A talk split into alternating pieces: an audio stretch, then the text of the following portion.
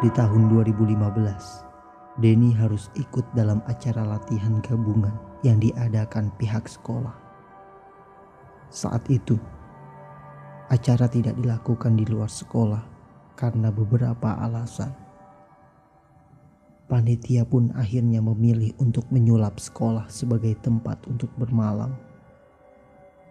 Setiap ruangan yang ada di sekolah dipilih untuk dijadikan tempat bermalam mulai dari ruang kelas, aula, hingga perpustakaan. Sementara panitia mendirikan tenda di lapangan sekolah.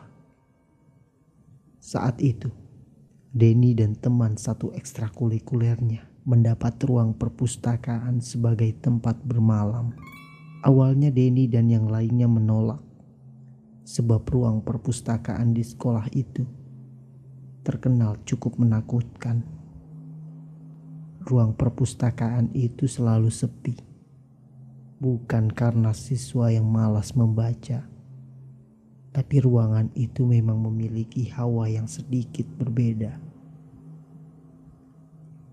Di malam pertama kegiatan latihan gabungan itu, kekhawatiran Denny dan teman-temannya menjadi kenyataan saat mereka sedang bersiap-siap ke aula. Tiba-tiba saja terdengar suara buku yang jatuh dari rak. Semua yang ada di dalam perpustakaan itu langsung terdiam dan saling menoleh satu sama lain. Mereka langsung mempercepat gerakannya dan meninggalkan ruang perpustakaan itu. Denny yang keluar paling akhir memberanikan diri menoleh ke belakang saat ingin menutup pintu aula. Dan saat itu pula, dia melihat bayangan hitam di ujung rak buku. Bayangan itu bergerak sangat cepat. Bulu kuduk Denny tiba-tiba berdiri. Dia pun langsung menyusul teman-temannya ke aula. Saat itu, Denny berusaha untuk tidak menceritakan apa yang ia lihat kepada teman-temannya. Dan pada malam harinya, setelah semua kegiatan selesai, para peserta latihan gabungan itu harus kembali ke ruang masing-masing untuk istirahat. Begitupun dengan Denny dan teman satu ekstrakurikulernya.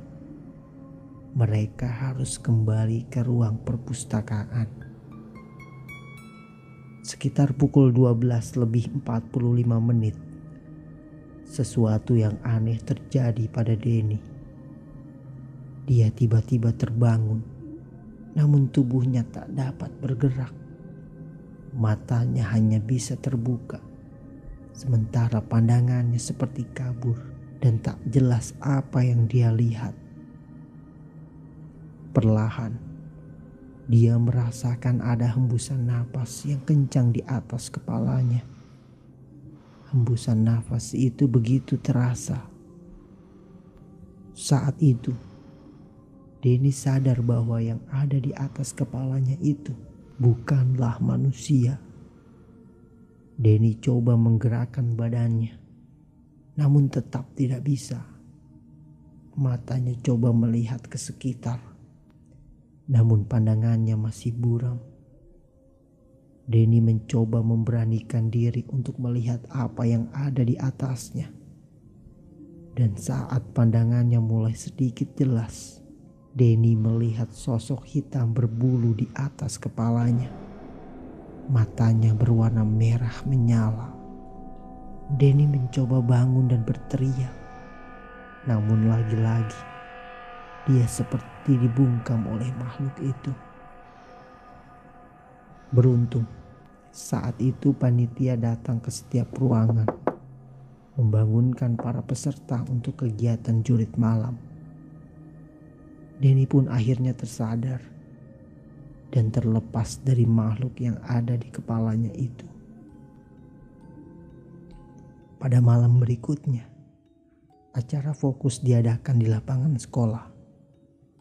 Seluruh peserta latihan gabungan berkumpul di lapangan untuk menggelar penampilan dari setiap ekskulnya. Sementara beberapa panitia ada yang berjaga di titik dekat dengan ruangan para peserta. Namun karena lokasi perpustakaan terpisah dari ruang lainnya, tak ada satupun panitia yang berjaga di dekat perpustakaan. Sialnya, saat Denny dan kelompoknya sesaat lagi akan tampil, ada satu properti yang tertinggal di ruang perpustakaan. Properti itu cukup penting mereka seolah tak bisa tampil tanpa properti itu. Denny pun diminta untuk mengambil properti itu. Tapi dia menolak. Denny sedikit trauma dengan apa yang sudah menimpa dirinya di malam sebelumnya. Namun sialnya, teman-temannya terus memaksa dirinya untuk kembali ke perpustakaan. Denny akhirnya meminta salah satu temannya untuk menemani. Wildan, seorang anak yang memiliki kemampuan melihat makhluk halus secara langsung. Dia pun tahu kalau ruang perpustakaan itu banyak penghuninya. Meski awalnya menolak, Wildan akhirnya mau setelah dibujuk berkali-kali oleh Denny. Saat sampai di depan pintu perpustakaan, Denny dan Wildan tak langsung masuk. Mereka saling menatap lebih dulu. Seolah saling bertanya seberapa yakin mereka masuk ke ruang perpustakaan itu. Beberapa detik berselang. Denny dan Wildan kemudian masuk ke dalam perpustakaan. Mereka langsung mengambil properti yang mereka butuhkan. Namun langkah kaki Denny terhenti ketika dia melewati barisan rak ketiga. Denny diam mematung. Pandangannya fokus ke arah ujung koridor antara rak buku ketiga dan keempat. Mata Denny terbelalak. Dia melihat makhluk bertubuh besar dengan bulu yang lebat berwarna hitam.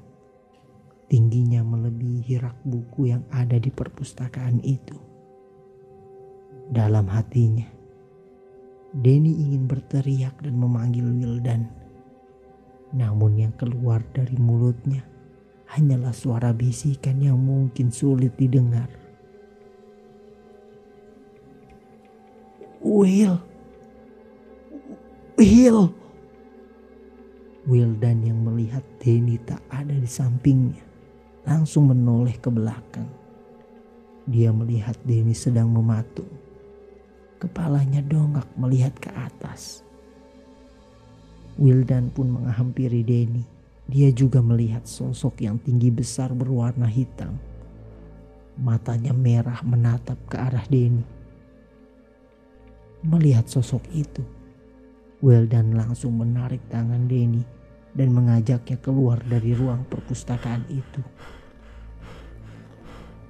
Denny dan Wildan berlari ke arah lapangan secepat mungkin sambil membawa properti yang mereka butuhkan.